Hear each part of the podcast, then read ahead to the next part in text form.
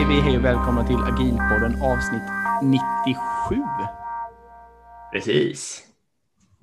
Idag ska vi eh, prata om agil organisationsdesign. Mm, det blir spännande faktiskt. Men innan vi gör det så ska vi ta och eh, tacka våra sponsorer som gör den här podden möjlig. Då. Eh, CRISP. Precis. Vad, vad är CRISP Nottik?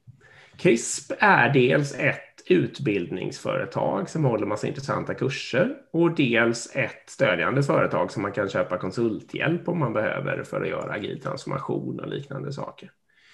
Eh, och man hittar dem ju på crisp.se då förstås. Alla kurser hålls även digitalt eh, så här i covid-tider. Eh, så det går bra och, det, och alltså är fullt ut digitalt så går det bra att delta på det sättet. Mm. Ja, men absolut. Man, ja. Ja, men precis. Det är bara att gå in och anmäla er till några kurser. eller följ dem på sociala medier och så vidare. Peppa lite att ni kommer från Agilpodden också. Det gör absolut ingenting. Uh, så tackar vi till CRISP helt enkelt för att ni är med oss. Mm. Det är superkul. Vi har med en gäst idag också eh, för att hjälpa oss och, och kolla lite på det här med organisationsdesign. Ja. Peter Antman. Välkommen. Ja, hej och välkommen. Ja, tackar. Hej, hej. Tack så ni ha. Kul att vara här. Ja, Imponerande det, det, mängd program ni har gjort. Ja, det är otroligt Tack. att man kan göra 90, 97 avsnitt om, om agila saker, eller hur? Ja, det tar, tar aldrig slut, tror jag. Nej, det, det kanske är så. vi får det. Jag eh, vet ju vem du är eh, sedan tidigare på grund av, jag antar att jag har sett dig i bloggposter av dig eller sett dig prata på några agila communities och så vidare. Eh, men sen eh, har jag också sett dig för att du jobbar på Spotify, eller jobbade på mm. Spotify. Mm. Mm. Men jag ska säga det, för du har också en Wikipedia-sida som är ganska intressant. Jag tänkte jag ska läsa lite av den, bara för att ge som en introduktion och så får du stå till svars för vad du har gjort också. Um... jag ska säga också, när, jag blev så, när Erik började prata om dig så blev jag så himla förvånad att jag inte visste vem det var sen innan. Kör Erik. Ja, precis. Nej, men man kan väl säga då egentligen att det står att du är journalist och programmerare. Du har tydligen jobbat på Aftonbladet som kulturskribent då under 90-talet. Ja. Mm. Uh, men sen gick du över till uh, programmering. Uh, det som sticker ut lite, det är rätt många olika grejer som sticker ut här kan man säga. En grej är att du verkar ha varit styrelsemedlem i Olof Palmes minnesfond i herrans massa år. Ja, 20 år. I 20, 20 år, ja precis. och, och sen har du också jag har också, ut... jag har också godkänt ja. tre svenska val. Jaha, som, som är formellt, formellt godkända av mig med underskrift. Okay. Så det är också ja, det en ganska konstig sak. Eller om ja, det var men... två, men det är minst två. Du får eh, uppdatera din Wikipedia-sida. Ja, um, den, är, den är spartansk. Uh, jag ska säga det också, sen har du skrivit en herrans massa böcker och det kan väl i och för sig rimma då med din journalistbakgrund. Liksom. Mm. Men även de här böckerna sticker ju åt alla håll och kanter kan man säga. Um, bara för att ge några exempel då, så har du skrivit um, uh, Riv pyramiderna igen, agil HR from the trenches. Och det kan ju i och för sig då passa med programmering och, och, um, mm. och den agila bakgrunden. Men sen har du också skrivit Fjällstugornas historia. Du har skrivit mm. Olof Palme, uh, Reformista sin fronteras. Det, var en ja, det är den spanska versionen av den svenska boken. Ja, Okej, okay. är det den gränslösa reformisten som är den svenska? Ja, precis. Exakt. Du har skrivit om barn och äldreomsorg i Tyskland och Sverige. Mm. Du har skrivit om den nya arbetarfrågan. Du har skrivit om den ohälsosamma vården. Ja, exakt. Det, det, det spretar lite åt alla håll och kanter här. Ja, um, men det kanske säger något om, äh, om mig. Jag, har, jag är intresserad av mycket olika saker. Och möjligtvis kan man säga att bredden, hellre mer bredd än djup kanske, även om jag har en tendens att gå djupt in i saker jag är intresserad av. Och då mm. blir det gärna en, en, en bok. Men om man ska då försvara eller möjligtvis förklara är väl det rimliga. Det är att jag eh, har en ingenjörsbakgrund, så jag gick fyra år teknisk eh, på Åse, vilket är ganska nära där jag bor.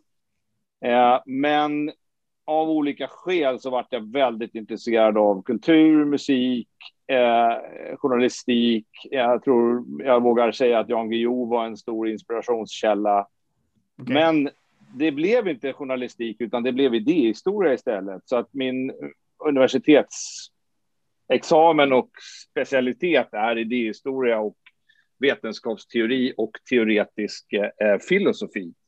Mm. Eh, men, och sen var jag med, nu blir, jag ska inte bli för långrandig, men jag var med och skapade okay. en, en kulturtidskrift som hette Telem med eh, bland annat Göran Greider eh, i slutet av 80-talet. Och den blev mer och mer politiskt inriktad kan man säga och via det så landade jag i kultursvängen, blev kulturskribent på Aftonbladet, var krönikör i en tidning som fanns under några år som hette Dagens Politik. Så att mitt liksom fokus var att vara politisk skribent.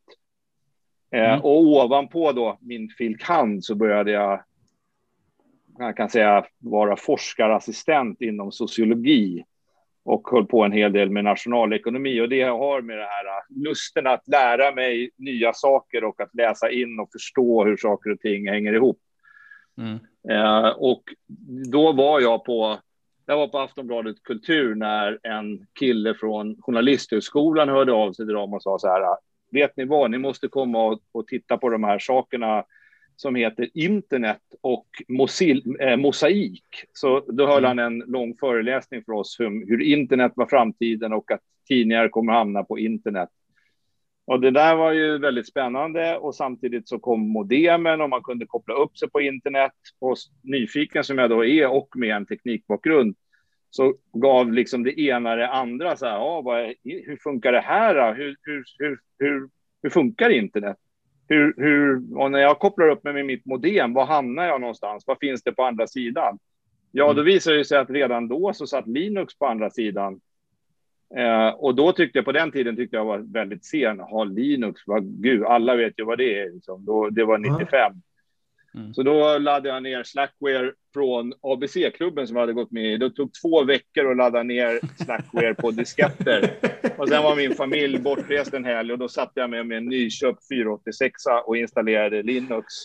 Och det första programmeringsspråk som jag upptäckte i det var Perl och då skrev jag en chatt i Perl och sen var det bara så här wow.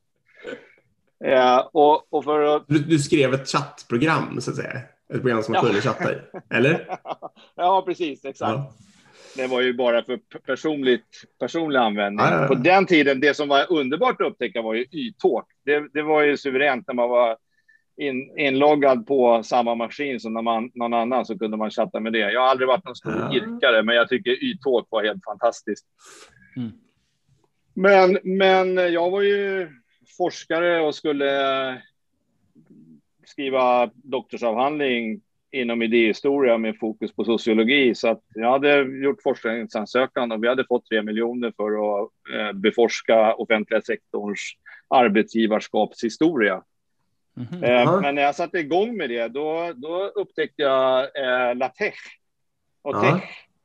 Eh, så då började jag liksom skriva ett program för att formatera humanistiska avhandlingar och speciellt så eh, att kunna använda så kallade Oxfords fotnotsystem som är en specialitet mm. inom humaniora.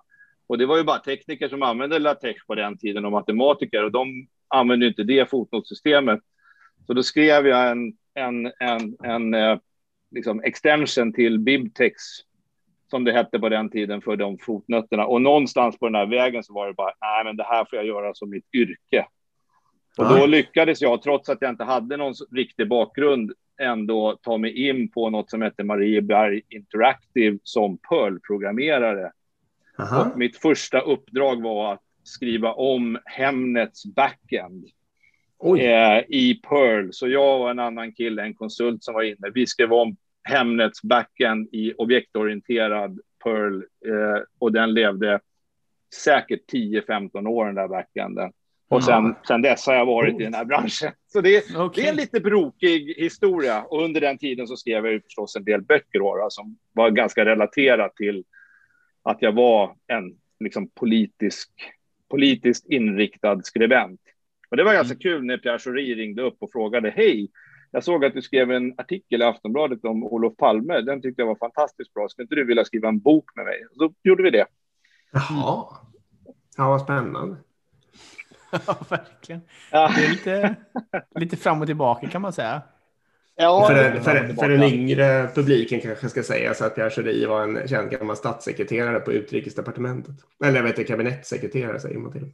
Ja, han var ju så småningom utrikesminister också. Ja, blev han det sen ja? Okay. Ja. Um, och, och, på den, det är därför jag landade i Olof Palmes minnesfond. För att jag hade skrivit boken. Uh, och uh, ja, det, det är en fond som skapades till minne av Palme efter hans död och där framför arbetarrörelsen satte in ganska mycket pengar och det är en fond som har växt och, och skötts väldigt väl under åren. Så jag kanske inte ska säga hur stor den är, men det är ändå en fond som delar ut runt en och en halv, mellan en och en halv och två miljoner kronor till ungdomar och unga, unga vuxna som gör projekt eller lär sig saker, men framför allt organiserar och gör projekt runt antirasism och eh, internationell förståelse.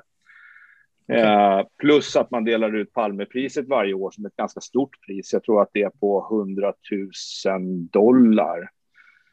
Ja, okay. så det var ju väldigt hedrande att få vara med i det sammanhanget mm. under alla de åren. Ja, det förstår jag. Hur eh, hamnade du på Spotify till slut? Då? Jag jobbade ju på ett bolag som hette Polopoli. Eh, och Polopoli är ju kanske idag ganska, eller väldigt okänt och bortglömt, men, men på den tiden var det en av de hetare startupsen mm. i Sverige eh, och eh, skapades runt DN. Så Polopolis grundare jobbade med DN redan 95 med att få eh, nyhetsredaktionen ut på nätet. Och, och då byggde han och såg att ja, men det, den här CMS-spacet som fanns en hel, var ganska fragmenterat och efter några år så fanns det så här på 1999 så tror jag det fanns 200 CMS som man använde i Sverige. Allt mm. mellan himmel och jord. Och det var ett av de första bolagen som produktifierade det spacet.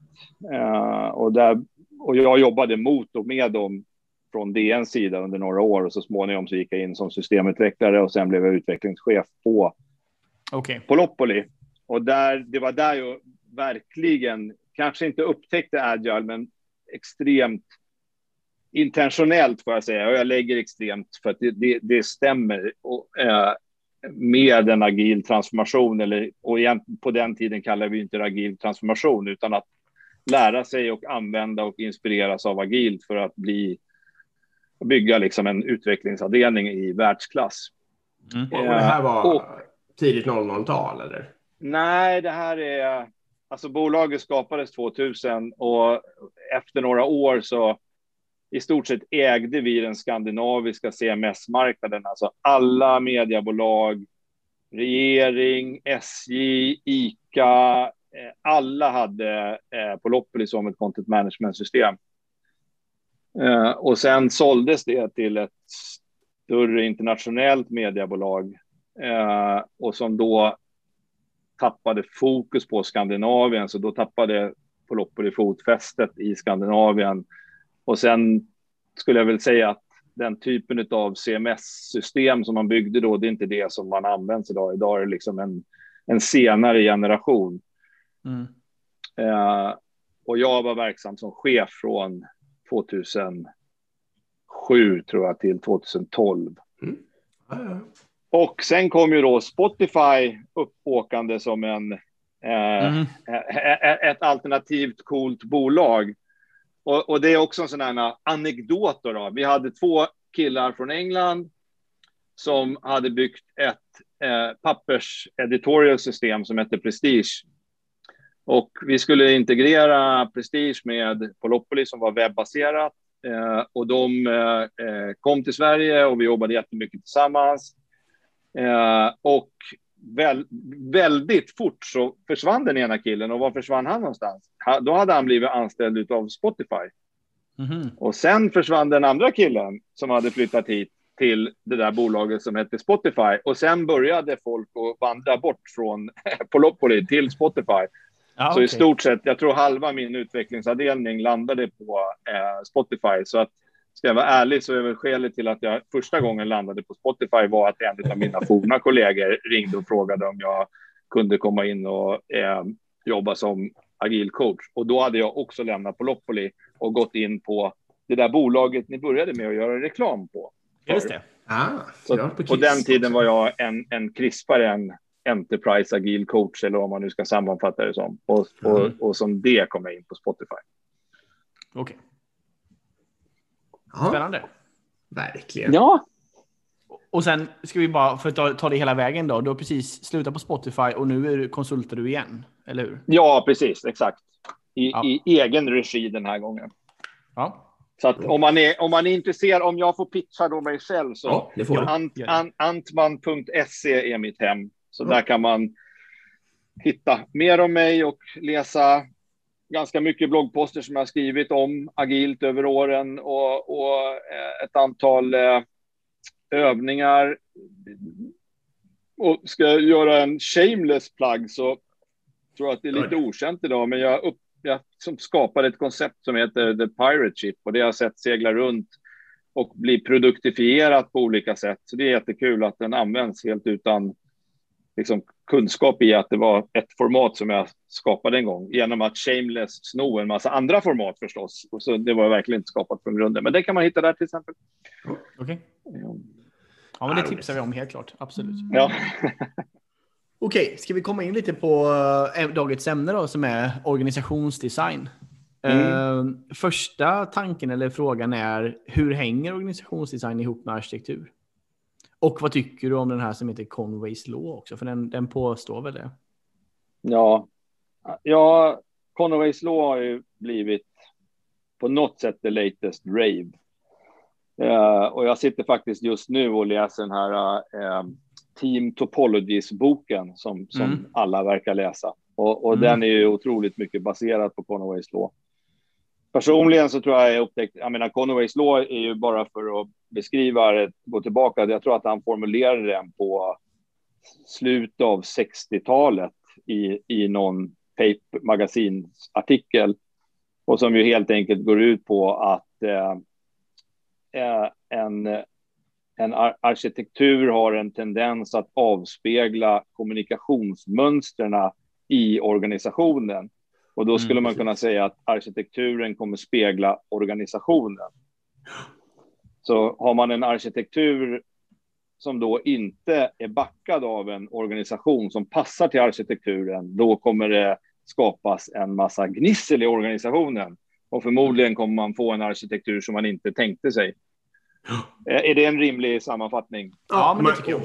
Och, och den arkitekturen kommer nog sakta att eh, anpassa sig till eh, organisationen. Det är väl lite teorin bakom Conways Law, även om man inte ja. vill. Ja. Nej, precis. Och, och, och då...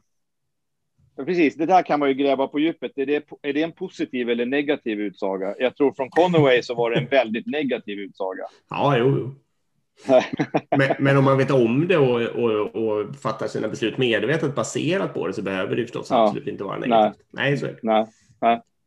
nej men, och jag stötte på Conaway kanske, jag kommer inte ihåg när jag använde det första, fem, sex år sedan. Jag, som konsult så har man ju mycket så här, man gör presentationer och man ska snabbt komma in och, och då är sådana här saker viktiga. Så att jag hade en bild på en, på en, en matte och en hund som ser identiska ut. Så det tycker jag, det är Conaways law i mitt huvud. Mm. Ja. Så, så den där, det, det tror jag väldigt starkt på. Men sen hur man jobbar med det. Det är en, det är en, det är en mycket svårare och djupare eller bredare fråga. Mm. Um, och, och, ja, idag pratar man ju mycket om reverse Conaway. Eh, på Spotify pratar vi, åtminstone där jag jobbade, en hel del om någonting som kallas för Bappo.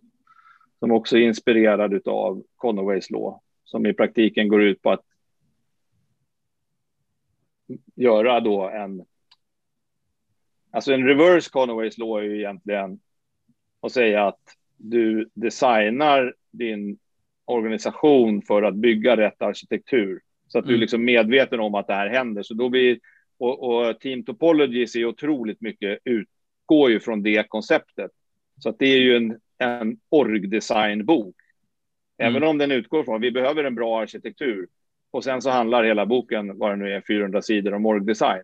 Och den är jättespännande. Jag tycker den är fantastiskt intressant.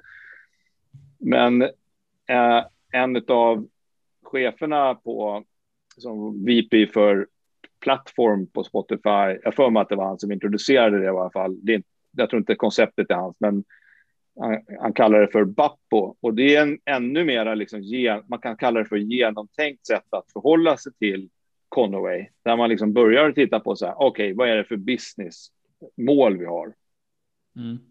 För det ska ju alltid, det är ju, det är ju ingen som säger emot, så här, ja men det är klart att businessmålen måste vara det första, vad är det vi vill uppnå? Mm. Sen går vi ofta till orgen och säger så här, okej, okay, vi har det här businessmålet, vi delar upp orgen, vi ska ha lite business units eller vi ska ha mm. eh, självorganiserade team eller vi ska ha liksom, man, man bygger orgen efter businessen. Mm. Men det Bappo säger istället är att, ja men vänta nu, ta det lugnt här. Vi måste förstå vilken arkitektur eh, som vi tror bäst ska, kommer stödja vår business. Så då är, måste man börja tänka på arkitekturen som nästa steg. Och sen eh, eh, B, P i Bappo, det är processer. Vad behöver vi för processer för att stödja den här arkitekturen som i sin tur stödjer businessen? Och, sen, och sist i det här kommer eh, eh, organisationsfrågan. Mm. Och, och det där tycker jag är, jag, jag tycker att det är jag har sett den tillämpas. Det är jätte, jätte, jättesvårt, men jag tycker fortfarande att den fångar någonting som jag tycker är djupt intressant och, och där jag kan själv känna att jag, det är lätt att köra ner i hjulspåret att alltid lösa allting med reorgs eller med mm. organisationsdesign. Mm. Mm. Men okay. att man glömmer bort det däremellan och även att, att man till och med glömmer bort businessen för organisationen i sig blir så jäkla viktig. Mm. Men, men, men, idag med liksom ett lean, en lean approach och en, också det agile mindset att verkligen titta på kunden först. Om man tar agile mindset är ju kunden först och lean man mindset är ju value först. Skulle jag säga om jag ska göra någon grov sammanfattning. Så mm. liksom businessen brukar man komma ihåg, men sen tycker jag man ofta hoppar, eller jag har sett att man hoppar över och går på org. Så där har jag tycker jag själv utvecklas en form av det låter kanske lite övermaga, sensibilitet eller liksom överkänslighet emot att jaha, men vad tog det här arkitektur och processdiskussionen vägen? Varför blev det org med en gång? Mm. Mm -hmm. Ja, men det är väl bra. Jag är ja. för den. Alltså jag, jag, har, jag hade inte hört den här strukturen och så. Ja, jag ja. tänker ju lite sådär när det kommer in nya initiativ. Jag tänker just exakt det här att om jag inte gör något nu Eh, och så lägger jag det liksom på två olika grupper eller något sånt där till exempel. Mm. Då kommer det att bli en arkitektur när de har varsin kodbas och varsin, eh, ja, och pratar förhoppningsvis i standardiserade gränssnitt, men ändå, mm. det kommer liksom bli två stycken olika applikationer. Eh, startar jag en ny grupp kommer det bli en ny applikation som löser bara den här frågan. Och lägger man det på en befintlig så kommer det liksom bli en applikation som ja, blir för stor, det behöver det inte vara, ja. men den blir stor i alla fall. Mm. Större, mm. Ändå större, exakt. Eh, och löser det med sina ramverk och sitt, sin tech-stack. Liksom. Mm. Eh, och, och, att det är näst, att det i längden i alla fall är o, ja, meningslöst att försöka jobba mot det. Liksom. Mm. Eh, så då tillämpar jag det tankesättet lite och sen så mm. fattar jag något, kanske något medvetet val då, eller försöker göra det i alla fall. Mm. Eh, baserat på de faktorerna. Ja. Mm, coolt. Eh, vi hoppar vidare då. Nej, precis. Ska jag dra min... Eh, eller kör Erik. Ja, men, jag kanske fråga först. Nej, kör Dick. Ja, men jag har en fråga som var så här. Eh, som jag just... Alltså som blev aktuell i mitt liv. Så jag undrade här, alltså i mitt yrkesliv. Jag undrade om du hade någon synpunkt på det. Och det är just exakt det här att eh, det kommer ett nytt initiativ. Och jag kan välja att försöka lägga det på eh, alltså utbyggnad av befintliga system. Ehm, eller ombyggnad. Men då är det ganska många. Liksom. Eh, eller också skulle jag kunna starta en ny grupp och bara be dem fixa det här. Liksom. Och då får jag ju uppenbarligen ett, med största sannolikhet en ny applikation. Hur brukar du tänka när du får en såna, den sortens initiativ? Oh. Mm. Jag fattar att det beror väldigt mycket på, men just lite... Nej, ja, precis. Alltså, då skulle jag för första så... Äh, utan mera kontext, och egentligen så skulle jag fråga dig om mera kontext, men då blir det mer en, en session om det här. Alltså att jag, jag kör bara på att svara på on the fly. Lite på, princip, hela på principnivå. Lite på liksom. principnivå. Mm. Mm. Så att det första jag skulle titta på är förstås, är det här en ny business eller inte? Alltså är det en ny värdeström eller inte? Nej, nej. Eh, nej. Så, att, så att det är ett, i någon mening en, ett befintligt team som har en befintlig värdeström, om vi kallar det för det. Och där ska det skapas en, någon ny applikation eller funktionalitet. Fast tyvärr skär det här lite på befintliga. Det är inte snyggt ja. gjort i värdeström. Alltså, nej, nej, I datakällor och grejer som behöver ja. peppas som kommer borta från Tjotahejt i ena hörnet och sen så mynnar det ut i en värdeström som är ganska väl definierad i andra hörnet. Enkelt uttryckt. Mm. Mm. Ja, jag skulle nog Alltså spontant så skulle jag göra det som jag nästan alltid faktiskt nog landar i och gör och det är experimentera. Eh, och jag tycker inte att det finns något som helst. Alltså om man är, är om jag går rakt på sak så är det så här att skapa task force eller workstreams eller sätta ihop människor från olika team för att både tänka ihop och skapa nytt ihop. Det tycker jag är ett ett bra sätt att ta sig an nya uppgifter. Man får, och, och särskilt om det, särskilt om det är me, mellan olika eh, discipliner eller team. Det som jag tror, ah, jag vet inte, jag vågar inte gå in på detaljer kanske. Man, jag kommer inte ihåg om det är publikt eller inte, men Nej, men, men på, som på principnivå, om man, ut, om man ska skapa någonting nytt där det är många, där flera team är, är medlemmar, då, då, då har jag åtminstone jag många gånger föreslagit eller själv organiserat eh, Task Force. Jag kan, Om vi går tillbaka till Polopoli-tiden, så en typisk sån grej var när iPaden helt plötsligt var lanserad av Apple. Vi hade ingen som jobbade med, med liksom, ens med iPhone-utveckling. Eh, vi kände att vi behöver kunna ge ett väldigt snabbt svar för hela vår stora del, liksom viktiga kunder i vår industri ville omedelbart ha en iPad-app. Mm. Och frågan, ska man gå med pdf eller ska man bygga någonting? Ja, då tog vi, då tog vi folk ur alla teamen med olika kompetenser för att utforska det och börja bygga det. Och sen så mm. ser man, blir det här en produkt av sig själv? Kan, eller mm. skulle den kunna passa in i ett befintligt team?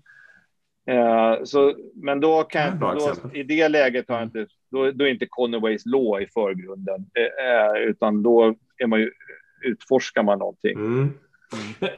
Jag får bara en kontrollfråga är då, du offrar ju teamstabiliteten då. Om du har stabila långsiktiga team ja. så rycker du. Det är du beredd att göra då så att säga. Ja, det, jag, jag tycker om igen, det här är ju mera grundat på erfarenhet av jag, jag, det är kanske är fel att kalla det pragmatism, för pragmatism blir alltid så här bra. Men, men eh, jag, jag tycker nog att team, team behöver ha en sån mognad och professionalitet och storlek att de kan göra eh, andra saker och vara dynamiska vid sidan av eh, sitt långsiktiga ägarskap. Så jag är väldigt, jag är väldigt mycket liksom, jag har inte sett några, väldigt lite bra effekter av projektledda organisationer där team skapas för ett projekt och sen och upphör och ingen vet vem som ska ta ansvar för det här Nej, och koden hamnar, ingen driftare, ingen äger koden långsiktigt, det blir bara dåligt. Mm. Mm. Men om man är väldigt rigid i att man har liksom tre, fyra, fem personer och det enda de gör det är sin applikation, då blir det liksom, det är så otroligt ja, lätt att fastna i det, mm, för det är mm. självgående och det genererar sin egen backlog, eh, sitt mm. eget liksom uppdrag. Eh, och då kom, om man inte kan lösa nya uppgifter, då kommer organisationen i sig, och nu pratar jag om det som någon slags anonymt monster, men, eller inte monster, men liksom, till slut så kommer ledarskap inom organisationen att tvinga fram något annat sätt att jobba på. Då blir det projekt i värsta fall. Om, om de som tar tag i det där råkar vara skolade i projektledarskap istället och har någon, det finns någon PMO någonstans eller liknande, då, då, då blir det projekt istället. Mm. Uh, och, och, och, om man skulle, liksom Spotify-modellen i någon mening, den, den här kända liksom med chapters och, och korsfunktionella team och allt det där, den var ju väldigt mycket byggd på en, att det skulle vara väldigt dynamiska team. Det var i stort sett en projektledare, den var ju byggd för liksom väldigt stark tillväxt där mm. det ändras hela tiden. Så att man skulle inte behöva byta chef hela tiden. För det är ju en annan, liksom, i en orgdesign så är det ju så att ledarskapet och chefskapet är betydelsefullt. Och jag tycker nog att jag själv över tid har, jag har skrivit väldigt mycket om ledarskap och chefskap och min bok handlar ju jättemycket om det. Eh, eh, men, men jag tycker att det kanske har blivit ännu viktigare. Jag, jag inser vikten, över tid så har jag insett hur otroligt viktigt det är att ändå ha en slags grundkontinuitet. Eh, både i chefskapet mm. men också i gruppen av chefer. Eh, ja, det var en liten derail, men, men det hänger, det hänger delvis ihop där. Då. Och, och, då skulle du, du tycker att det ska vara starka långsiktiga team, men man ska också ja. pragmatiskt vara beredd att delta i andra aktiviteter och inte bara sitta och pyssla om sin egen, eh, mysa ja. på sin egen kodbas. Liksom. Nej, men det är, ja. det är ett smart svar. Jag, jag, jag tror det är genast gå hem och överväga det. Ja, nej, men om man, om man liksom filosoferar lite till så är det det beror lite på hur man jobbar. Jag jobbar väldigt mycket med infrastrukturella team, så plattformsteam eller team som stödjer andra team. Och även Polopoli var ju i någon mening en plattform för utvecklare.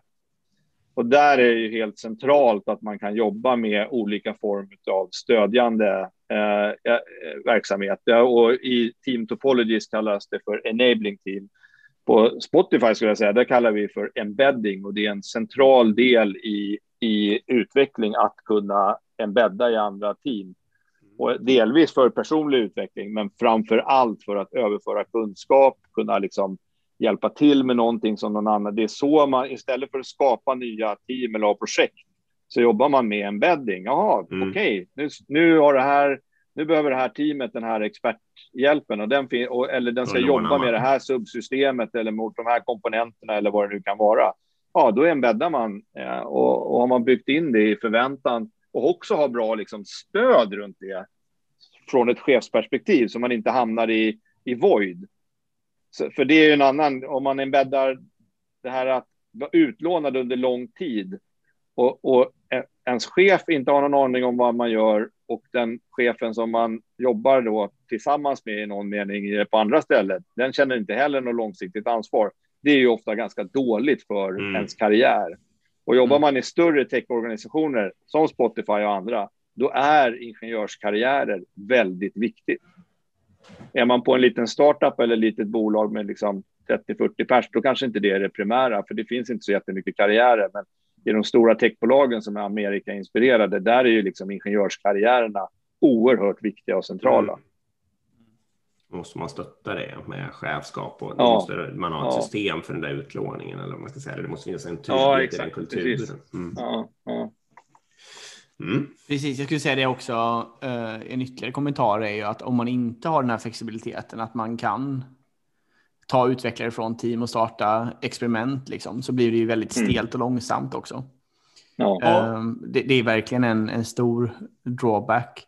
Eh, en annan grej som jag vill nämna också kring eh, det här med embeds, liksom, det är ju också att jag ser alldeles för många chefer som optimerar utifrån sitt team. Så säg att man har en ingenjör mm. som vill lära sig någonting som man inte gör i teamet. Till exempel, jag vill koda en iOS-app. Okej, okay, men den här teamet gör bara Java backend. Liksom. Så du kan, mm. det finns ingen anledning att du ska lära dig iOS och sen så kommer den här ingenjören sluta ganska snart ja, för att den inte får, får, testa sina saker. Det är också fördelen med mm. en bed då att då kan man sticka till ett team som, som, inte, som har den tecken som, som, som den personen vill testa liksom. Och sen kanske den kommer mm. tillbaka då och för det första ta med sig massa kunskap tillbaka men också gör mm. att den personen får utvecklas. Mm. Så det är ytterligare en fördel med just den bäddkulturen. Mm. Verkligen en bra poäng. Ja. Jag skulle nog gärna vilja fortsätta med en liten grej när det gäller arkitektur för att det är en sån ja. Och så, jag tycker inte det pratas tillräckligt mycket om det, eh, åtminstone inte vad jag har hört. Och, och det är att om man går till, jag tror att det är uttryckt som en av principerna i Agila manifestet, att den bästa arkitekturen uppstår eh, spontant ur självorganiserade team. Mm. Och, och, det skulle jag säga att det är falskt. Ja, det låter, det, det skulle jag kunna tänka mig också. Från min, min erfarenhet, jag har stött den, den jag har liksom argumenterat mycket för den positionen. Men när det är, om man tar, både tar in Conways Law, men tar också in skalning, att vi nu börjar få tämligen stora, liksom, eller alla bolag kommer bli liksom mjukvarudrivna, eller större delen av våra bolag i världen kommer till slut vara drivna av mjukvara och ha ganska stora mjukvaruavdelningar. Så skalan när det gäller mjukvaruutveckling är inte bara för Netflix eller Facebook eller ja. Eh, då, då är det helt enkelt så att då är den här, även om man inte kan göra en pure Bappo, så det går liksom inte att ta fram en arkitektur liksom på det, teoretiskt. Ja, vi har vår business, sen tar vi fram vår teoretiska arkitektur och så kör vi top-down och sen kommer vi fram till organ. Det går inte, det är omöjligt. Men har man ingen arkitektur, har man inte en organiserat sig för att fatta arkitekturella beslut på flera nivåer och inte minst på då, ja, företagsnivå eller på avdelningsnivå, då blir det ju väldigt snabbt en kåkstad istället. Ja. För en mm. kåkstad är ju i stort sett arkitekturen uppstår spontant ur de små cellerna ja, och ingen styr över helheten. Så det där tycker jag är en, det finns en, jag vet inte, jag kanske elak, men naivitet runt omkring hur, hur man ska hantera arkitektur. Och eftersom vi har liksom på något sätt kommit fram till att, att ha Ivory Tower-arkitekter, det funkar inte, det är värdelöst. Eh, så måste vi då jobba väldigt hårt med att få fram arkitekturella processer och beslut och kompetens i, i någonting som inte är Ivory Tower-arkitektur. Och på det senaste bolaget jag jobbade på, där var det verkligen ett, en stor utmaning. Eh, så, så det tycker jag ja, det är värt att säga. Jag tycker inte det sägs så ofta eh, att arkitektur är ett kärnproblem som är idag lite för lite utforskat Eh, eh, och beskrivet. Och det har ju kommit en del bra böcker. Evolutionary Architecture är fantastiskt bra. Eh, ja. Så det är värt att, att, att, att, koppla in till, om man jobbar med Conways Law och säger att arkitektur är superviktigt för att den hänger ihop med organisationen. Om man då bara går till till organisationen och pratar organisation igen, då missar man en otroligt viktig del, ska jag säga. Mm. Hur tänker du med techval och sånt där också? För en grej är arkitekturen, men en grej är ju också techval. Liksom. Ja. Det är en slags arkitektur. Ja, det är ja, det absolut. Ja, precis. Och det, det är väl i och för sig ett påstående att techval är arkitektur eh, mm. som inte alla går med, håller med om, tror jag. Jaha, mm. okej. Okay. Uh, för mig är det men, Nej, men för att arkitekturen är någonting mera högnivå liksom. Ah, och sen okay. kan man göra olika techval under, äh, längre ner i stacken. Jag får bara se vad jag menar, för jag tycker att om man, ja. om man kan göra sina techval helt fritt, hur lokalt som helst, då är det ju verkligen kåkstad. Men okej, okay, mm. ja, det, det, är det tycker jag, ur en aspekt. Ja. Men okej, okay. fortsätt. Ja, jag har inte tycker att det här är, det här är, sam, det är liksom i samma härad som det vi pratade om innan med Conways Law och arkitektur och mm. hur uppstår arkitektur. För att det finns ju väldigt bra argument för att eh, man bör ha som det finns bra argument för att team blir lyckligare och effektivare om de har väldigt stor inflytande över den teknologi de använder. Det tror jag är liksom ofrånkomligt. Det, det är ovedersägligt, det är så. Mm. Men det finns också väldigt bra argument för att om team helt och hållet väljer sina egna teknologier och du har skala också, då, är det, då går du miste om en economy of scale och i någon mm. mening bygger du in en, en teknisk skuld på eh, makronivå. Och det, mm. jag tror att det finns, jag, jag, kommer inte, jag har inte en exakt bra formulering, men det finns en brytpunkt i Facebook där man verkligen inser det här att den här totala anarkin, move fast and break things, inte funkar när det gäller developer tooling. Mm. Utan det behövs en, en standardiserad eh, plattform och standardiserade sätt som alla använder och att man, det är där man, man utvinner speed utav det också. Mm. Men då måste man ju undvika att det blir en bottleneck och det är, ju, ja. det är en ganska svår fråga och det är mycket det som ja, ja. moderna techbolag jobbar med att erbjuda den inre plattformen som en service för att inte bli en bottleneck och en gammaldags mm. IT-avdelning. Ja, men precis, exakt. Jag håller med. Och sen, jag tänker också med äh, fördel med äh, att aligna, då, om man skulle kalla det för det, på techval, är ju också beroendefrågan. För beroenden mm.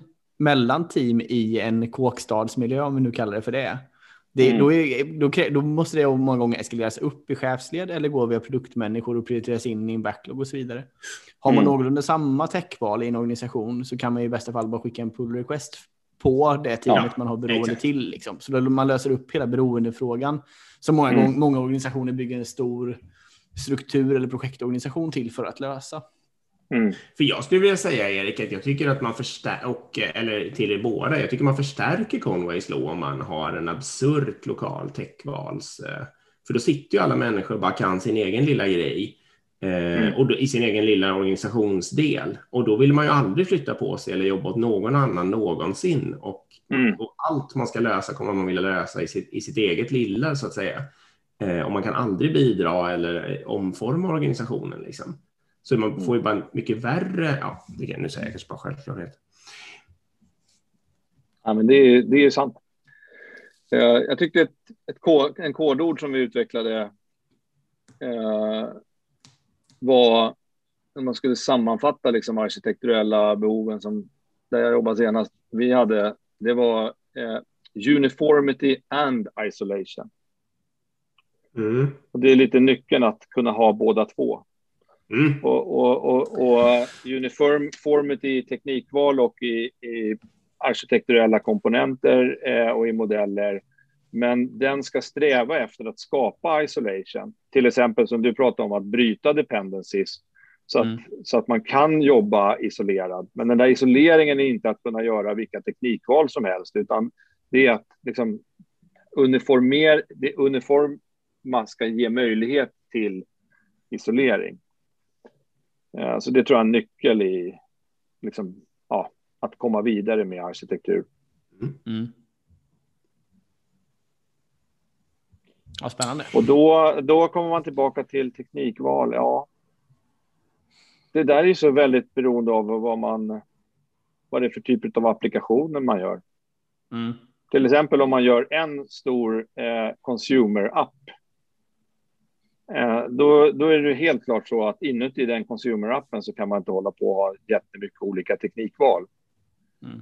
Om man har en microservice-arkitektur som har bra protokoll för att prata mellan varandra och har en, då skulle jag i och för sig säga, uniform, förmodligen uniformerad governance-modell, men det kanske inte krävs, men jag skulle gissa det. Då mm. kanske man kan ha mycket större frihet i vilket språk eller vilka ramverk och liknande man använder i sina eh, eh, microservices, för de har mm. ingen impact på någon annan. Eftersom beroendet bara är liksom via API, och man garanterar att man upprätthåller vissa service level, då, ja, mm. då, då, då, räcker det. Liksom. Mm. Precis, nackdelen med um att, att ha strikt techval också. Det är ju, risken är att man blir långsam. Alltså det, kommer ju, det händer ju rätt mm. mycket om man säger så i de här olika svängarna. Uh, mm. och, och, risken är ju liksom att om man nu då, om man säger nu att Kotlin blir till exempel en ersättare för Java, nu bara tar vi det som ett, som ett dåligt exempel här. Ja. Uh, då tar det ju, kan det ju ta extremt lång tid att ställa om en sån organisation. Mm. Men jag, vet inte, jag tycker att en nyckel där är ju att alltid tillåta experiment. Om man på något mm. vis kan påstå att det bara är ett experiment och att man liksom inte skalar på det utan att man tar upp det till en större diskussion innan man skalar. Då tycker jag det är okej. Okay. Då får man prova ett nytt backend-språk också om man skriver en väldigt avgränsad grej i det liksom, som ligger bakom mm. API eller något sånt där. Absolut. Men om man liksom börjar, om det börjar bli en stor, en betydande del, då måste man ju ta upp det till diskussion på något sätt. Mm. Precis, gränsen brukar ju gå vid produkt, äh, produktionssättning. ja, men man ska väl kunna ja, nej, det kan man ju diskutera. Jag tycker kanske man skulle kunna experimentera med något som är produktionssatt också om det är avgränsat. Mm. Vad jag, tänkte Jo, jag tänkte på den där, så du sa att det finns en princip som säger att man ska kunna organisera sin egen, eller att arkitekturen ska komma liksom en självorganisation. Mm. Det tycker jag skulle kunna vara, men det blir liksom bara sant i det läget att alla människor Alltså, om man tänker på Conway igen då, då skulle det bara vara sant om alla människor liksom hade, kände varandra exakt lika, kände alla andra exakt lika bra och inte hade några bindningar. Mm. Eh, och, och, man gjorde en stor, eh, gigantisk self-selection och så, då skulle alla kunna bete sig rationellt och skapa världens bästa arkitektur. Men så fort man har massa mänskliga band och massa, alltså massa historia, då kommer det ju mm. aldrig bli bra, för då kommer ju alltid ja. människor att, att vilja gosa ihop sig med dem de gillar ja. och sånt där. Mm. Och då kommer ju det bli, då kommer det bli en gosarkitektur och inte en rationell arkitektur. Liksom. Eh, så det är inte alls sant för de flesta organisationer som, som har hållit på ett tag. Mm. Eh, att det blir bra, skulle jag påstå. Nej, nej men, och där kan man ju dessutom lägga till en annan teori. Det är inte bara GOS, det är också bounded rationality. Det är, jag skulle säga att liksom, forskningen är ganska klarlagd med att vi har, vi, vi, har, vi försöker optimera rationellt, men vi gör det utifrån väldigt begränsade kontext och kunskap. Så, ja, att vi, vi optimerar utifrån den kunskap vi har. Så idén, precis som du säger, att någon kan stiga ur sitt, sin lokala kontext och se på helheten utan att ha ett stöd eller ett uppdrag att göra det, det händer inte. Mm. Det kanske sen, inom sen, väldigt, väldigt liten organisation där alla kan ja, ja. prata med alla, men sen går det ju inte. Liksom. Ja. Samtidigt är det lika sant att eh, om, vi, om vi måste lära oss om, om vi tänker oss att vi måste lära oss hur vi ska implementera liksom vad kunderna vill ha och hur vi ska implementera det och hur vi ska jobba i, sam, tillsammans. Det är ju någon form av agil kärna. Att vi har korta korta feedbackloopar och adaptiva processer så att vi kan anpassa oss hela tiden. Mm. Då är det klart att vi vill ha en arkitektur som är anpassningsbar. Eh, och, om man säger att det är det vi pratar om, att en arkitektur måste kunna evolvera. Eh, och om vi har någon, ett, ett strikt koncept som liksom en, en blueprint som redan är färdig och som låser ner oss i våra möjliga val, ja, men då är det ett hinder. Mm. Men, så, och där är ju Evolutionary Architecture-boken då, då, har ju ett antal koncept runt det som handlar om fitness fun functions och att e egentligen introducera, man kan kalla det för testdrivet eller eh, XP eller DevOps-principer också på arkitektur. Och det tycker jag ligger eh, otroligt mycket intressanta det är väldigt intressant där du liksom sätter din arkitektur i ett testharnesk och kan upptäcka när den börjar brytas och då fatta beslut om vad betyder det här mm. brottet? Betyder det att vi håller på och ointentionellt avviker eller degraderar vår arkitektur eller upptäcker vi barriärerna i arkitekturen där vi måste upp, uppdatera den och förändra den? Mm. Ja, så, så det, det tycker jag är en sån... Det, det, där känns det inte som eh, den kunskapen är liksom inte, ska vi kalla det för, kommodifierad eller standardiserad än. Det är inte någonting som alla bara mm. vet, så här gör man. Liksom. Så det är, det är spännande framtidsområde tror jag. Mm. Att, få en, eh, att skapa en organisation som klarar av att uh, göra evolution på arkitekturen. Är det det ja. du vill ha? Mm. Ja, precis. Och då kanske använder sig själv både organisatoriskt och arkitekturellt. Ja, nu. det, det finns en... Ja, kör. Förlåt. Nej, kör.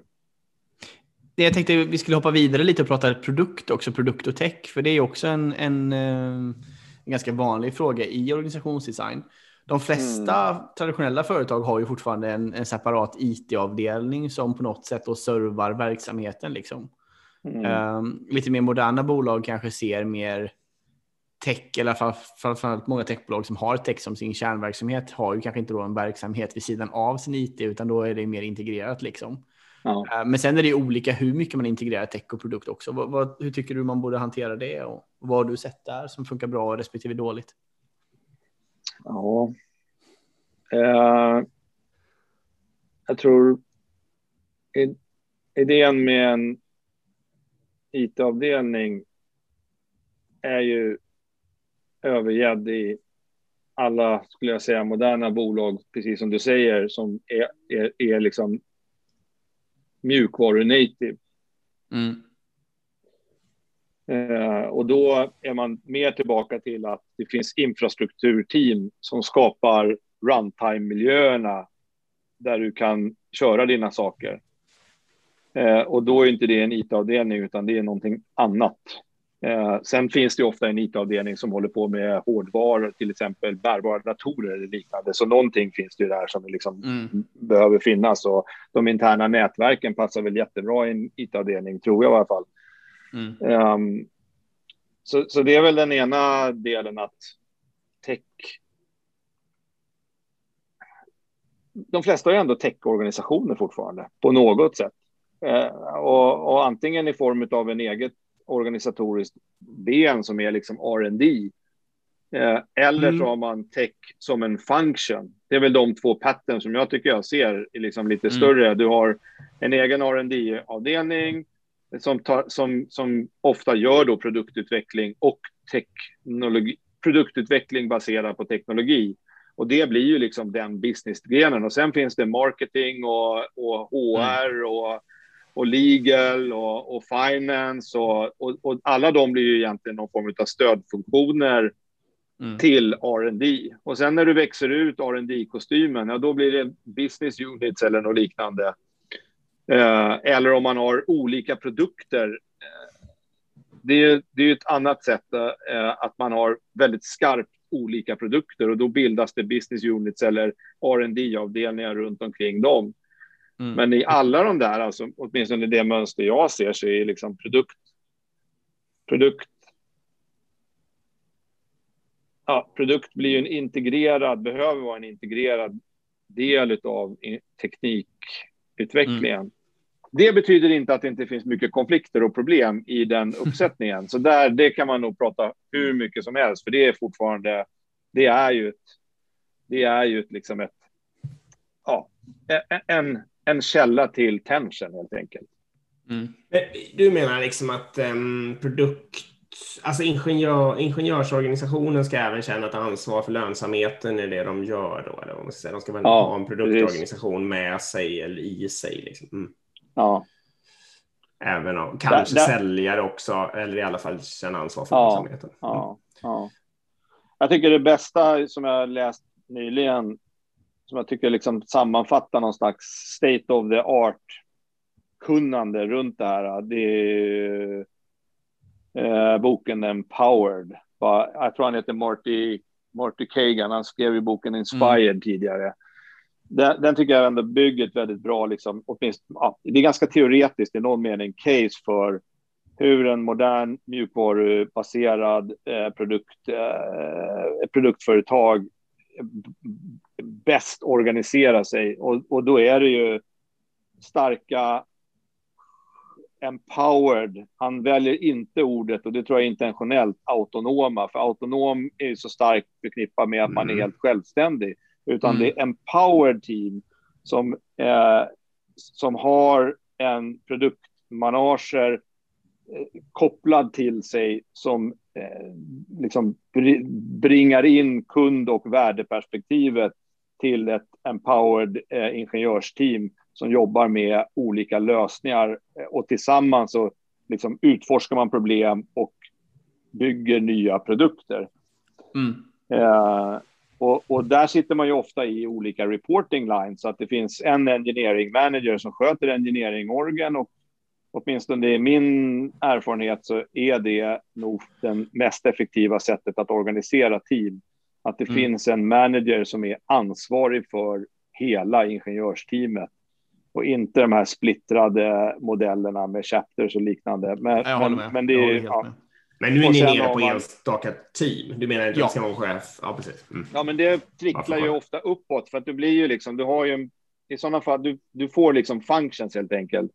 Så det finns ju en matris i det, men matrisen är inte nere i, i ingenjören, utan matrisen är på liksom större function. Så du har mm. ingenjörsfunction, en produktfunction, förmodligen kanske en eh, UX-funktion som står för liksom, användarupplevelsen. Kanske till och med en analytics och datafunktion eller ML-funktion, mm. för det är så otroligt skarpt, liksom annorlunda och kompetenskrävande del som ett modernt team många gånger måste ha tillgång till idag för att vara liksom på spjutspetsen helt enkelt.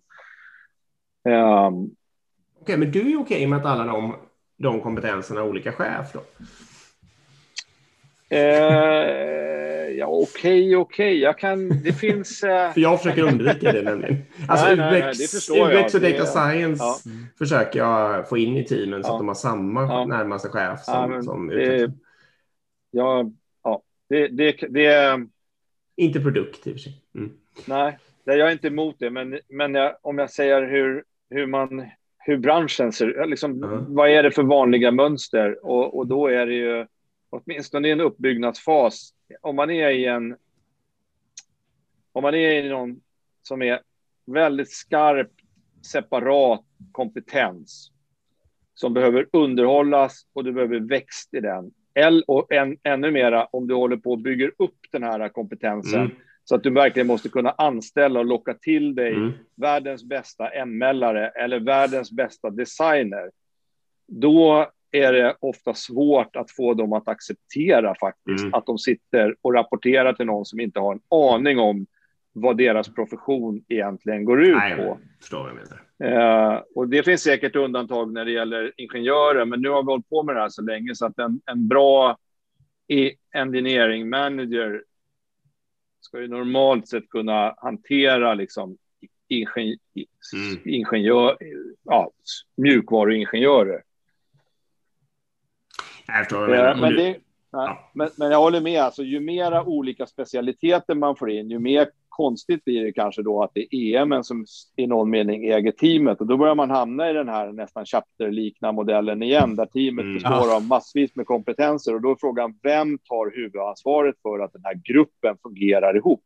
Och mm. det finns inte ett riktigt bra svar på i de här funktionsmatrisade Nej, modellerna. Så det är en det är nästan obesvarad fråga och det hjälper inte skulle jag säga att stoppa in en agil coach för att lösa det. Nej, det håller jag verkligen med om. om jag ska, då, då är vi hårda på det. Ja, men det är vi ofta i den här podden. Det är helt okej.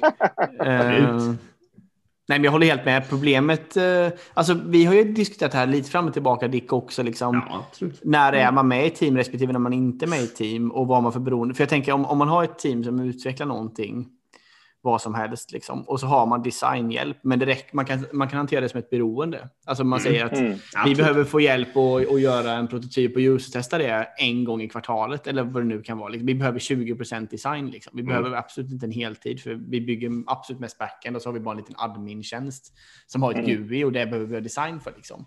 Då kan man ju absolut i en sån kontext eh, ha en form av centraliserad designfunktion man avkallar för att bli avblockad. Mm. Liksom.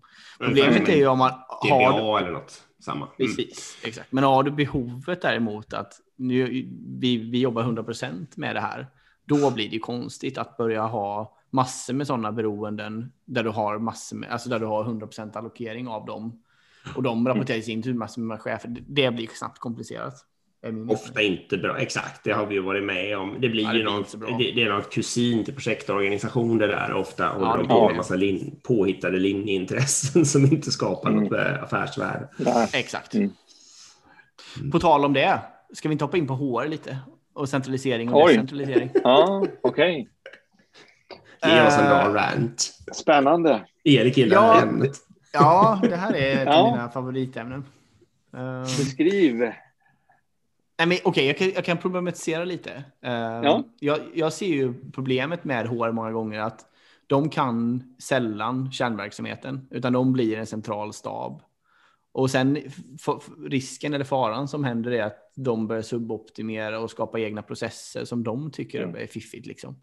Och sen mm. så ska de ha ut i hela organisationen och ta massor med administrativ tid skapa massor med olika ark man ska fylla i hit och dit. Och det i sin tur skapar liksom inget värde för organisationen, utan det skapar bara med admin. Ehm, men de tycker att det här är viktigast i världen och så tvingar de ut det vid alla chefsled ungefär. Ehm, mm. Och så blir HR bara en trög central enhet man vill undvika som linjechef. Liksom. Mm. Det är det absolut vanligaste skulle jag säga. Mm. Vad, vad tycker du? Bara hålla med. Det är bara att hålla Fan vad härligt. ja. Sen är frågan vad det finns för alternativ. Ja, ja exakt. Det, det, ja. Men här är vi för fega på att experimentera. Varför experimenterar vi inte mer med HR? det är helt vansinnigt. Jag har försökt att driva det här hur länge som helst och på ett tidigare mm. jobb har jag också gjort det. Men till exempel transparenta mm. löner, att låta teamen sätta varandras löner i en lönerevision. Vi måste ta bort de här gamla HR-processerna som vi tar som en sanning. De måste, mm. vi, måste, vi experimenterar ju ingenting på de här, utan vi bara antar dem som en sanning. Vi sitter med våra dev-talks och håller dem hemliga mellan chef och utvecklare. Självklart mm. ska det vara en öppen handling för alla och det måste ju vara en team commitment med utvecklingssamtal. Jag tycker ja. absolut transparenta löner är en förutsättning för att för transparensens skull, men också för att få bort alla de här dumma löneskillnader som finns mellan till exempel kvinnor och män och sånt. Skulle det bara öppnas mm. upp så skulle det bli transparent och försvinna liksom. Ja. Um, men vi vågar inte innovera på HR-processer av någon anledning. Nej, det, det, um, nej. nej, men det är väl kanske en av de, det, en, det är väl en av de sista läskiga sakerna liksom i, i, på sätt och vis i bolag. Jag um, personligen, jag håller, jag håller väldigt mycket med. Eh, samtidigt så har jag inte upplevt att när jag hade, den, när jag hade, på, när jag hade möjlighet att påverka det närmare i en mindre grupp på Polopoli, då drev jag det i stort sett så långt jag kunde, skulle jag säga. Och det har jag ju skrivit en hel del om och den boken som råkar heta två olika saker. Rivpyramiderna heter den i nätversionen och sen en lite senare tryckt form heter Tillsammans, men det är i stort sett samma bok och den handlar ju väldigt mycket om hur kan man liksom radikalt omvandla det vi förväntar från en linjechef och HR-processer. Mm. Eh, samtidigt så när man jobbar i större bolag, då tycker jag att det är svårare och delvis oansvarigt som lokal chef långt ut i någon slags tentakel att driva en helt annan policy eller motverka det. Så, så då måste man antingen välja att anpassa sig Absolut. till det och göra det bästa av det. Eller att liksom försöka jobba sig in emot centrala funktioner och, och påverka det på olika sätt. Och, och, där har jag nog själv valt att försöka göra HR så bra som det bara går lokalt. Eh, mm. Eh, i, i, i, genom att följa liksom, intentionerna men också jobba väldigt intentionellt med HR-frågor. Mm. Så att där, vi hade till exempel eh, någonting som vi kallar people operations, att, att ha liksom en people operations också lokalt. Eh, mm. Vad det nu kan vara på avdelningen eller eh, eh, vad man nu kallar det för. Mm. Det tycker jag är väldigt hjälpsamt därför att då integrerar du då, och, och idén där är egentligen att det du beskriver är en slags pushmodell som är jäkligt frustrerande, där HR mm. hela tiden pushar ut saker.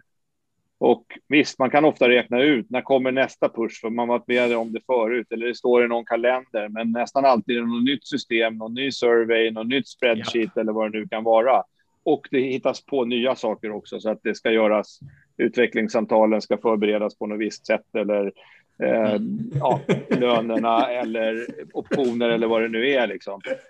Ja. Så, så ett sätt som jag närmar mig det där, det är att jobba väldigt internationellt med HR, utveckla en lokal filosofi, till exempel runt lönesättning, hur man sätter löner och bygga starka liksom, lokala processer runt det. Och mm. sen göra det på ett sätt som att HR blir en pullbaserad verksamhet istället. Mm. Så att om du istället jobbar med, eh, för att det är ju viktiga saker, liksom. det är jätteviktigt att hålla reda på din hiring pipeline, det är jätteviktigt att hålla ah, reda på Eh, vem som är var, det är jätteviktigt att hålla reda på vilka löner de har och lönesamtal och utvecklingssamtal och allt det där. Och har du då bra system, möjligtvis till och med lokala som du gör själv, som du använder för att göra det här arbetet lokalt, när HR då kommer, ja men då är det bara, ja varsågod, här, det är redan förberett, vi har redan gjort det här jobbet. Uh, och, och jag tycker jag, nu har jag provat det på åtminstone två ställen, att okej, okay, om det inte går att göra eh, transparenta löner, för det är väldigt svårt, det är en radikal steg som måste fattas beslut om på högsta nivå. Och det betyder ja, att vd måste tycka det är, är en jättebra idé. Och det är inte mm. så många vd som tycker det. Eh, då, men det går att utveckla en, en modell som är att som om lönerna var transparenta. Så att de bolag som jag har jobbat med som lönesättande chef, där har en, en grundläggande parameter varit att vi sätter löner som om det var en öppen bok. Och det betyder att man kan göra fel, för vi kan inte veta vad varenda människa skulle reagera. Men man kan ungefär veta. Och man kan dessutom ha samtal med sina direkt och fråga dem, ja, hur ser du, känner du det liksom, tycker du att du har rätt lön givet vad du känner till om de andra? Eller vilka jämför du det med? Vad, vad, var någonstans skulle du vilja ligga liksom? Eller tycker du att du är? Mm. Och då kan man ju ha en konversation om det verkar helt off. Jaha, jaha, har du den uppfattningen? Nej, men det, då måste vi prata om det. Då måste vi liksom skapa det kontextet. Mm. Så att vi jobbade stenhårt med att sätta löner som om de var transparenta och jobba med okay. eh, mm. löneglidning och förflyttning och, och använda, liksom, även om en person egentligen inte hade bett om att få högre lön så låg den fel i löneskalan jämfört med någon som var motsvarande liksom, kompetens eller leverans. Då flyttade mm. vi den. Med, mm. eh, så, så, det, så det går att göra. Det, kan man, det har jag åtminstone jag lärt Ja. Oh, men det blir ju... Jag... Det, det, det är tio års lönesättande som jag har gjort på det här sättet i olika organisationer och det funkar.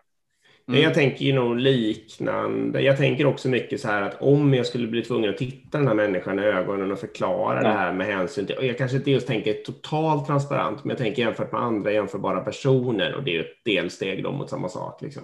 Mm. Eh, skulle jag då kunna göra det? Om, och liksom, och om jag absolut inte skulle kunna göra det så vill jag ju oftast ändra den lönen. Då, liksom. Mm. Mm. mm. Nej, precis. Jag ska säga det också att uh, de experiment jag har gjort har jag gjort tillsammans med HR. Eh, och min, ah. det, mm. det, sättet jag försöker driva det här på, jag försöker förändra HR. Jag försöker säga hej, hej jag är redo för att experimentera. Använd mig som ett experiment. Liksom. Använd mig och min grupp som ett experiment. Mm. Så jag vill testa. Liksom. Och vi testade ja, på mitt förra företag med 50 000 anställda ändå att köra transparenta löner på en mm. liten grupp. Liksom. Ja, ja. Inte på hela bolaget, bara för att testa. Det, det, det var ju frivilligt då för de ja. medarbetarna. Men, men och det, det sket sig också så. Okay. Alltså inte som, eh, det, det sket sig inte som experiment. Det gick ju alldeles utmärkt. Nej. Men sen ett år senare så var det ju svårare. Ja, svårare. Mm. det var, jag menar, det var, ingen blev ledsen och alla som var med var ju nöjda. Så att säga. Det var ju andra intressenter som protesterade. Ja. Sen har ju människor förmåga att skapa sådana där att, att ta fram den här kunskapen själva. Så jag vet ju att det ja. finns ofta eh, forum som inte chefer har tillgång till där man delar lönen med varandra. Visst, men det är det, det, är det jag menar. Det, blir så, det är det som blir så dumt om man försöker skapa då liksom en transparens och man försöker ha ett team ja. som är starka och självgående och allt liksom.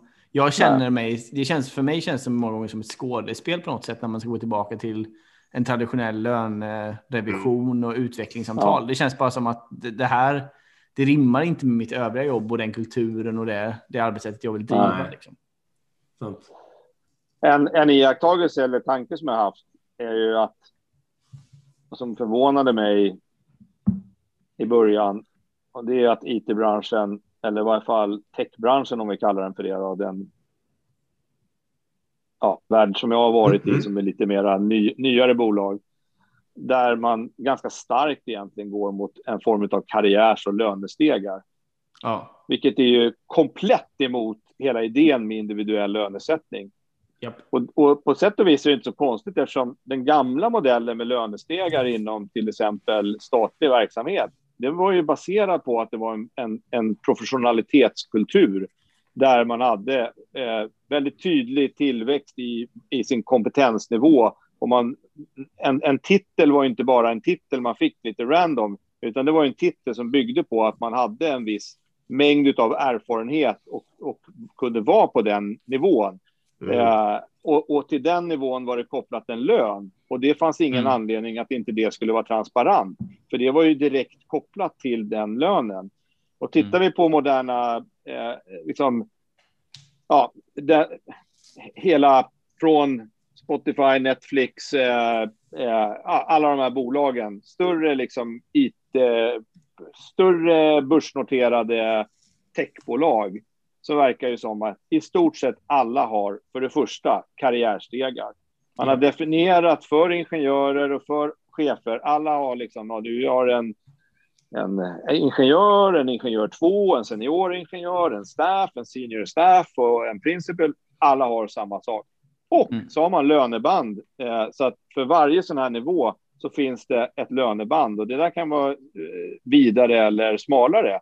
Men det finns ett löneband. Så i praktiken så har vi ju egentligen som bransch utvecklat ett lönestegesystem som egentligen då eh, påminner ganska mycket om åtminstone svensk tidigare statlig verksamhet. Och så, så det, steget är inte oändligt långt till att öppna upp det och göra det mer transparent. Att de Nej. åtminstone kunde visa Nej, vad är det för lönenivåer inom stegarna. Så att om jag blir en staff, vad är det för lönenivå mm. jag kan förvänta mig? Mm. Det vore ju inte helt... Det kunde ju vara ett första steg att öppna upp och göra det lite mer transparent. Ja, verkligen. Jag brukar ju kommentera. Jag brukar inte gå in på detaljer, men jag brukar absolut kommentera till människor som frågar om de ligger högt eller lågt i, sin, mm. i förhållande till sin sån där level. Då. Absolut, mm. det är en form av minimal transparens. Mm. Mm. Precis, och det, vi skulle kunna prata länge om de här löner, eller om de här både löner och HR och även de här karriärstegarna. Det finns mycket dåligt med karriärsteg också, det ska gudarna veta. Ja. Uh, verkligen, men det finns en helt klart del positiva saker också. inflation. Ja. ja, alltså det är ju otroligt. Alltså jag tycker att det är givet, givet en slags svensk kontext och agile kontext i team, teamarbete, bygga team som tar ett gemensamt ansvar, inga rockstars, eh, så, så finns det ju något otroligt annorlunda med eh, karriärstegar som nästan alltid ändå oerhört starkt betonar ditt individuella bidrag. Mm. Och, och de kan ju innehålla moment av att du ska vara en teamplayer och du ska ha stärkt teamet eller du ska ha haft impact på bolagsnivå eller du ska göra det här. Men det är ju alltid individen som står i centrum och när man ska mm. skriva ett mm. promotion package för en sån person så blir det ju exceptionellt individcentrerad och det skapar också eh, konstiga drivkrafter när det gäller team, teamfokuset. Det, det håller jag ju med om. Det går ju inte att komma mm. ifrån. Alltså. Nej, så är det. Sen då om vi bara snabbt går på andra sidan så tycker jag ju många gånger det kanske är ett av de största problemen i många organisationer att vad är ett nästa steg för en utvecklare mm. eh, som har suttit i team i några år liksom? Vad, hur ska man kunna, vad är karriärsvägen framåt så att säga? Mm. Eh, och där, där, i många traditionella bolag där chefslönen eh, många gånger är högre så är det ganska vanligt att många tar ja, chefsspåret. Liksom. Ja. Men det mm. vill man ju heller liksom inte optimera Nej. för en organisation, att alla duktiga människor ska bli chefer. Um, och då är det här ett sätt att säga okej, okay, men du kan fortsätta vara ingenjör, fortsätta klättra och komma upp mm. på chefslöner utan att, utan att gå den karriärsbiten. Det är ju så att säga fördelen med det hela. Ja. Men okej, okay. vi kanske ska ta och runda där. Uh, ja. Om inte du ja. har något mer du vill lämna Peter? Nej, nu, vi har ju pratat om jättemycket intressanta och spännande ja, saker. Kul. Ja, det var otroligt roligt faktiskt. Det var jättekul att du ville vara med i podden. Supertack för det. Ja, tack för att ni bjöd in mig. Mm. Jag ska säga, precis, du pitchade i mitten där, men var det antman.se helt enkelt? Ja, precis. Mm. Där hittar man allt om mig. Precis. Eh, och så ska vi säga tack till CRISP igen som gör podden möjlig och de hittar man ju på crisp.se. Precis, och om ni vill oss någonting så finns vi på Instagram under agilpodden eh, och vi finns också på agilpodden gmail.com. Om ni har frågor, funderingar eh, eller vad som helst så är det bara att höra av er. Precis. Då säger vi tack för idag och tack Peter återigen för att du var med. Tack Peter, tack till alla som lyssnar. Tack, tack. Hej då alla. Hej, hej. hej. Thank you.